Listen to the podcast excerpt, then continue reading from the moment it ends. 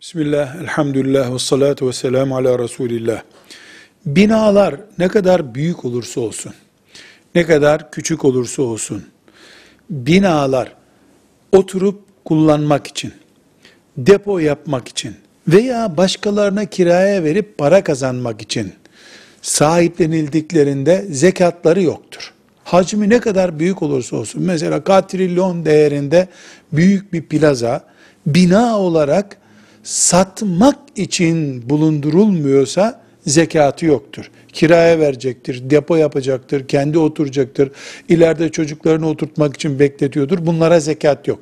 Satma yani ticaret niyete alındığında binanın hacmi neyse zekata gerektirecek ki bir binanın en küçüğü bile zekata müstahak olur.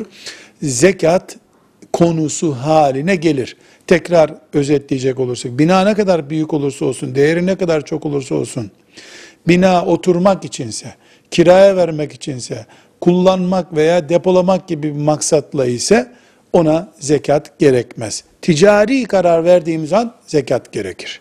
Velhamdülillahi Rabbil Alemin.